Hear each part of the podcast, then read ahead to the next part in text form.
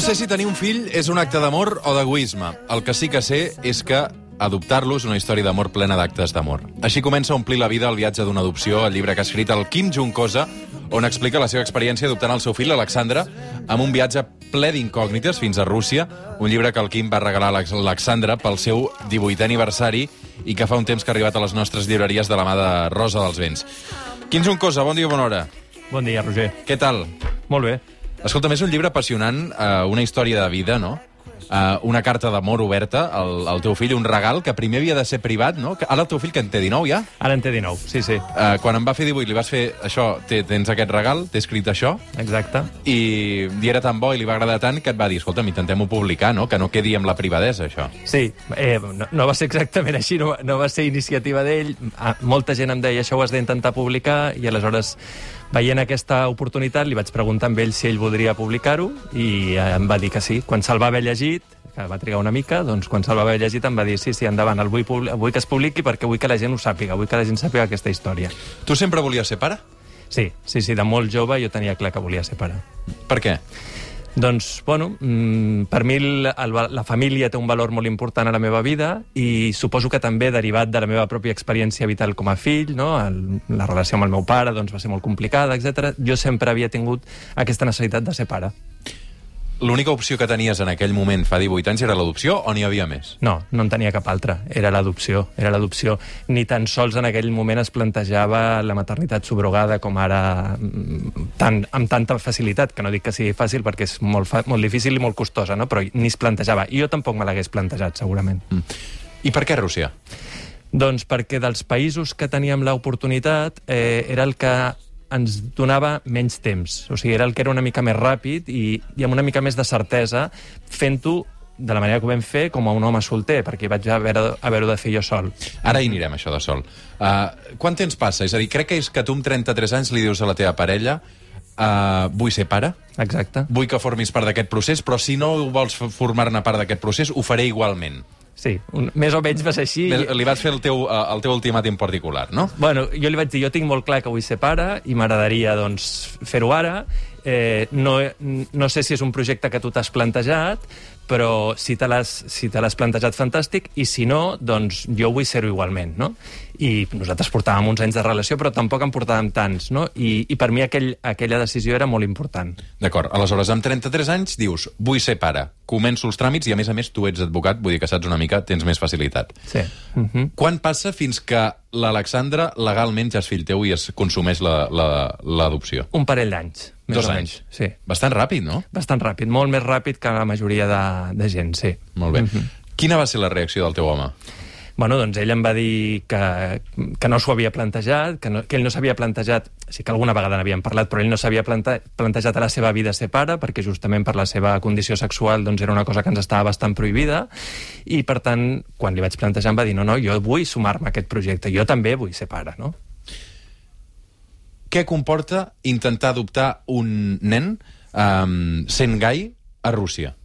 Doncs d'entrada haver d'o- haver d'ocultar la teva condició sexual. Aquesta la primera. No? O sigui, si a Rússia haguessin sabut que era homosexual, no m'haurien donat el fill, i per tant doncs, volia dir ocultar-ho, i a més a més no només ocultar-ho, sinó amagar tota la meva parella i la meva vida. O sigui que tot el procés el vaig haver de fer sol. Mm. D'acord, uh, comences aquest procés, uh, quins impediments legals et trobes? Perquè crec que n'hi ha molts. Sí, sí, n'hi ha, ha molts perquè el, el que et diuen és eh, tu has, fas la instància, fas la sol·licitud, mm, no pots eh, fer els tràmits amb la teva parella, els, pots, els has de fer sol i has de passar un procés en el que primer coneixes el teu fill i després fas un judici. I en aquest judici doncs, un jutge acaba decidint si aquest fill ha de ser per tu o no. És a dir, tu vas a Rússia directament a conèixer el teu fill, Sí? en un orfenat, entenc, no? Exactament. Mm -hmm. El coneixes, Sí. t'hi relaciones, te'l presenten, jugues, passes unes hores amb ell, i després, Tornes a Barcelona, i un jutge decideix si aquell fill el pots adoptar legalment o no? Sí, tornes a Barcelona i al cap d'uns mesos, en el nostre cas van ser dos mesos, això va ser, el primer viatge va ser el desembre, ens vam conèixer durant dos o tres dies, i després tornem a Barcelona i al cap de dos mesos ens truquen i ens diuen torna aquí a, a Rússia perquè ara es farà el judici. I passats aquests dos mesos, hi ha un dia en què es celebra un judici i un jutge decideix. I fins i tot així t'has d'esperar 15 dies més allà esperant que aquella sentència sigui ferma i ningú s'hi oposi. De què depèn uh, aquest judici? Què tenen en compte? doncs tenen en compte eh, el mateix que tenen en compte aquí. Eh? Al final el que està l'administració, en aquest cas la russa, el que està decidint és que un nen que està emparat sota l'administració russa doncs, pugui anar amb una família o no, en aquest cas amb mi, que era un home sol, i per tant valoren les teves habilitats parentals. Com va ser el moment en què tu dins d'aquest orfenat veus per primera vegada el que s'acabarà convertint en el teu fill, l'Alexandre, que aleshores ja tenia 4 anys?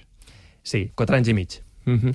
Va ser una, jo dic que en el llibre dic, una muntanya russa. Vale? O sigui, realment va ser una muntanya russa d'emocions, perquè tu estàs molt emocionat per al moment que s'està produint allà, però alhora tens una por terrible, no? perquè t'imagines tot el que queda de procés encara, eh, no coneixes aquella criatura, no saps quina reacció tindrà i penses doncs, que alguna cosa pot sortir malament. Per tant, et fa molta por, et fa molta por per tu i, li, i et fa molta por per ell, no? perquè al final la gent genera expectatives i els nens també i pot ser que, que, que això no surti bé. Com va reaccionar ell? Doncs molt bé. Eh, bueno, ell va reaccionar d'una manera molt, molt curiosa. Ell, ell es va apropar a mi, el primer que em va dir és Privet Papa, que vol dir hola papa, Directament, eh? Directament. O sigui, això al Bolívia l'havien adoctrinat una mica. Sí, sí, sí, jo això en el llibre ho dic. O sigui, a mi li havien dit tu has de dir aquesta frase i ell va anar i la va dir, no? sense saber molt bé què volia dir i, i buida de contingut. No? Jo li vaig contestar, li vaig contestar Privet Sasha, no? perquè Alexandre Sasha és el mateix a Rússia, i me'l vaig, eh, el vaig agafar, me'l vaig posar a damunt de les cames ell estava rígid, estava molt, molt tieso, però al cap d'una estona doncs, es va anar balancejant, va anar deixant que les cames es moguessin i a poc a poc no, vam començar a, a, a interactuar no, d'una manera més tranquil·la. Clar, eh, ha de ser molt complicat i ha de ser un moment de, de molts nervis, no? perquè estàs coneixent el teu fill, però que en realitat ja té 4 anys i mig, que li han dit que et digui pare però no et coneix...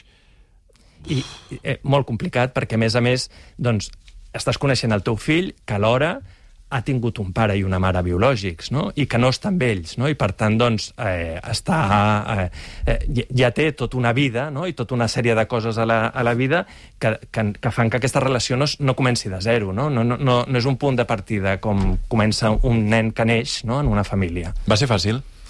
Va ser difícil, va ser difícil. Eh, va ser podia haver estat molt més difícil. Realment ha acabat sent més fàcil, no? o ara vista en perspectiva i amb el temps, no? doncs eh, ja quasi no me'n recordo de lo difícil, però, però sí que no és fàcil. No és fàcil perquè doncs, perquè s'ha de generar un vincle, aquest vincle no es genera d'un dia per l'altre, triga molt a generar-se. Eh, després, doncs, amb quatre anys i mig tens ja un camí fet, tens moltes coses que no s'han fet bé... Bueno, I l'altra no història fet. és que primer tu l'has d'adoptar per la teva condició d'homosexual com a pare solter, però en realitat quan arriba a Catalunya es troba que tu tens una parella i que al cap d'uns anys acabarà sent també el seu pare, que és l'Agustí, no? Sí, sí, exactament així. Jo des del primer dia, ja quan, quan ja va, al, al febrer, ja quan vam saber que, que sí que serien pare i fill, ja li vaig començar a parlar de l'Agustí, però clar, jo li parlava d'algú que ni veia, no? Uh mhm. -huh. I fins que arriba a Barcelona i el coneix i el veu, doncs, clar, realment no, no, no té consciència de qui és aquesta persona. I com va ser aquest moment? Emocionant. Aquest moment va ser molt, molt emocionant perquè volíem justament eh, provocar una mica el, el mateix retrobament que jo havia tingut amb ell a Rússia, que ell el pogués tenir amb l'Agustí a Barcelona. I això va ser a l'aeroport de Barcelona, i l'Agustí l'esperava allà, i va ser doncs, un, un moment molt bonic. Clar, ara penso, d'entrada devíeu tenir una barrera lingüística brutal, no? Perquè un nen de 4 anys ja parla. Sí, sí, ell parlava rus, jo vaig aprendre una mica de rus per poder-me comunicar amb ell, un rus molt bàsic, però ens enteníem, i després jo dic que el llenguatge és gairebé, et diria, quan m'has preguntat si va ser fàcil o difícil, t'he dit que va ser difícil, el, el llenguatge i la comunicació va ser el més fàcil, mm. perquè ens comunicàvem d'una altra manera, ens comunicàvem amb les mirades, amb el tacte, amb el contacte, o sigui, eh, l'amor, jo dic, l'amor anava fent el seu camí i, i anava fent que sortís, que sortís bé, i ens enteníem. Mm -hmm. Ell ha volgut saber dels seus pares uh, biològics? Temies aquesta pregunta? No, no, no la temia, primer perquè l'hem parlat moltes vegades, ell a vegades ens ha, ens ha preguntat, nosaltres li hem explicat el que sabem, que no és gaire, no? i és una cosa que sempre està a l'aire. A mi no em preocupa que ell tingui interès en, en saber-ho, ho entenc, entenc que ell vulgui saber el seu origen, i a vegades li hem explicat que quan ell vulgui, quan tingui la necessitat, anirem a, anirem a Rússia. Jo no sé si coneixerem o no coneixerem els seus pares, ho veig molt difícil, francament, però, però si ho demana i és possible, ho intentarem. El que passa és que també li dic que millor el que es trobarà no li agradarà i per tant ha d'estar preparat, no? i crec que és un moment en el que ell mm, mentalment i emocionalment ha d'estar preparat per això. Alexandre Juncosa, bon dia. Bon dia. Què tal? molt bé. Estic sentint molt el teu... Bé, Estàs escoltant el teu pare, eh? Sí, sí, sí. Um, què et va semblar el llibre? Perquè, clar, o sigui, aquí el teu pare el que ha fet és retratar la teva vida i al capdavall, al cap d'uns mesos, fer-la pública. No sé si això d'estar tan exposat t'agrada o no t'agrada, Alexandra. Pues la veritat és que, bueno, quan ell em va regalar el llibre, jo, com diu el meu pare, em va costar llegir-lo, vaig estar uns quants mesos que el tenia a la tauleta del llit, i me l'anava fullejant a poc a poc, però em va costar fins que finalment me'l vaig llegir i un dia vaig dir que, pues, que això es tenia que publicar i que jo, com que el tenia tan acceptat i tan normalitzat i també pues, vaig dir pues, això s'ha de publicar bàsicament per, per mi i per ajudar altres persones. Mm -hmm. Creus això, eh? que pot ajudar també a altres uh, persones que han estat adoptades, aquest llibre? Totalment, mhm. totalment, mm -hmm. la veritat. Mm -hmm. Escolta'm, uh, continues parlant rus? No. L'has perdut, no. l'has oblidat? Sí, l'he perdut. Sí, sí. A, a què et dediques? Què estàs fent? Perquè ara m'explicava el teu pare que tens 19 anys, no? Estàs estudiant, sí. estàs treballant, què fas? Sí, jo estic fent un cicle formatiu de grau superior de fitness. Molt bé. Doncs ara els gimnasos estan tancats, vull dir que ho tens fotut. Sí, la veritat és que sí. sí, sí. T'agrada fer esport? M'encanta fer esport. Mm -hmm. Escolta'm, uh, li preguntava al teu pare si, si, si tenies ganes un dia de tornar a Rússia, uh, al teu país d'origen. Uh, tens ganes d'obrir aquesta finestra o, o, o et fa cosa? Mm, tinc ganes, però és això, jo crec que és totalment normal que em faci cosa, però més endavant sí que m'agradaria fer un viatge i veure on vaig néixer i on vaig estar, però mm, de molt més gran, de molt més gran, la veritat.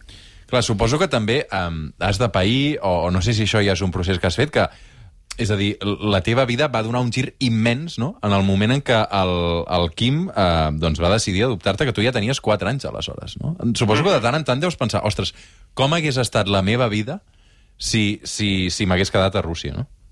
Sí, sí, sí, la veritat és que ho he pensat bastants cops, però no és això que diguis contínuament ho penso i m'ho imagino, no, no. Moments puntuals, però sincerament jo crec que quan tu estàs bé i estàs en un lloc que et cuiden i estàs perfecte, les coses que et fan patir o que t'han fet patir, jo crec que les deixes endarrere. Mm. A tu t'agradaria ser pare un dia? pues això és algo que de moment no m'hi veig, però segurament no corris, faré, però... no, no corris, no corris. Jo, jo vull ser avi, jo vull no, ser avi. No corris perquè a veure si encara la liarem. Um, escolta'm, Quim, uh, tu creus que aquesta teva paternitat uh, ha estat molt diferent de, que, de la que ha tingut una persona que ha tingut una paternitat biològica? Sí, sí, jo crec que sí que és diferent. Eh, jo no he estat pare biològic i, per tant, no sé el que és ser pare biològic, però crec que sí que és diferent perquè el punt de partida és diferent. Parteixes d'un fill que ja té una, una vida, una història, no? I, i per tant, tot això fa que sigui diferent. I després tu també hi arribes de manera diferent, no? Tu hi arribes d'una manera molt més reflexiva i has pensat molt, molt, t'han fet qüestionar tot tantes vegades no? al llarg del camí que, que doncs, fa que sigui diferent. La paternitat biològica doncs, segurament és una cosa més eh, que surt de, de dins, vinga, avui volem ser pares, doncs ho som, i, i anem fent en el dia a dia, i, i vas creixent tu com a pare alhora que el teu fill va creixent com a fill, però clar, quan et plantegen un fill o et donen un fill que té 4 anys i mig, ja és fill, aquest aquest nen ja és un fill d'algú, no? I ja porta 4 anys i mig visque, viscuts. Mm. El, el recomanaries, o quin consell donaries? Quin consell donaries a una persona que, a una parella que ara mateix s'està plantejant adoptar una criatura? A veure, mm, a mi donar consells em costa, eh, perquè és difícil, però, però jo els diria que s'ho plantegin, que és una manera de ser pare fantàstica, pare o mare fantàstica, eh, que val la pena, val molt la pena, o sigui, moltíssim. Jo no canviaria per res del món, eh? I a més a més, jo abans de, ser, mm, de saber fins i tot que tindria un fill, eh, un fill biològic, don, eh, un fill adoptiu, pensava que podria tenir un biològic i un adoptiu, o sigui que jo els diria que s'ho plantegin, però que siguin conscients d'allà on van, no? que siguin, que siguin conscients conscients de, del, del que implica, la, les dificultats que implica, que, que s'ho treballin, que s'ho estudiïn, no? que es llegeixin el llibre, que segurament els hi anirà, els hi anirà bé. Uh, en qualsevol cas, molta paciència, no? perquè aquests dos anys uh, deuen ser també una mica... Deu haver-hi moments de tot i moments d'agonia, no?, també? Sí. Aquest temps d'espera, perquè dos anys encara em sembla, uh, doncs, poc, no? Poc, poc, molt poc. Ara, en aquests moments, l'adopció, si és nacional a, a, a Catalunya, per exemple, els processos són molt més llargs. Et parlen de 4, 5 anys, 6 anys, 7 anys. I internacional està molt difícil i, per tant, doncs s'ha de tenir molta paciència. Però, bueno, al final, si, si, si, si ho assumeixes i ho treballes, aquest temps te l'has de plantejar com un temps de creixement personal. Mm -hmm. També has de tenir molta paciència després, eh, quan tens un fill, vull dir que, que ja va bé que la vagis aprenent. Què ha estat el més difícil? D'aquests 19 anys? El més difícil per mi ha estat acceptar eh, les limitacions que em suposava... Eh, que, les limitacions que portava l'Alexandra, les limitacions seves personals, el fet d'haver perdut aquells 4 anys i mig de vida uh -huh. que havíem d'intentar recuperar, i després, doncs, bueno, veure que el teu fill és el teu fill, que és com és, i que tu l'has d'ajudar a ser feliç com sigui, no? I, i, i aquesta aquesta intenció no, de tots els pares de voler que els fills siguin feliços, doncs en el cas d'un fill adoptiu que porta una motxilla darrere molt gran és, és més gran i per tant a mi això és el que m'ha costat més, però estic content perquè ho hem aconseguit. Mm -hmm. Alexandra, uh, moltes gràcies. Ja sents el teu pare. Eh? Sí, sí, uh, sí.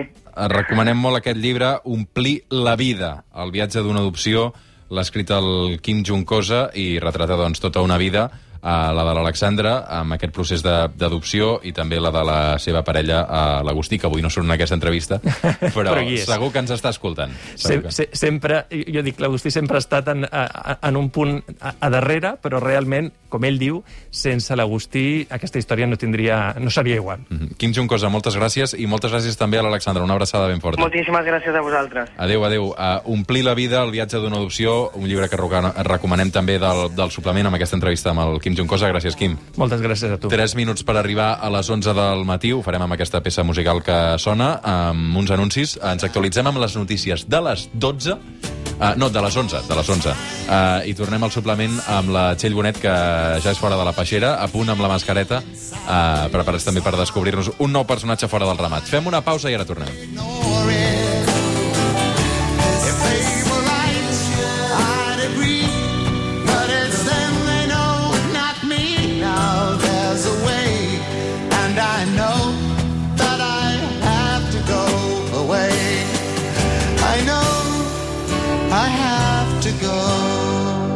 El suplement. Ràdio amb esperit de cap de setmana.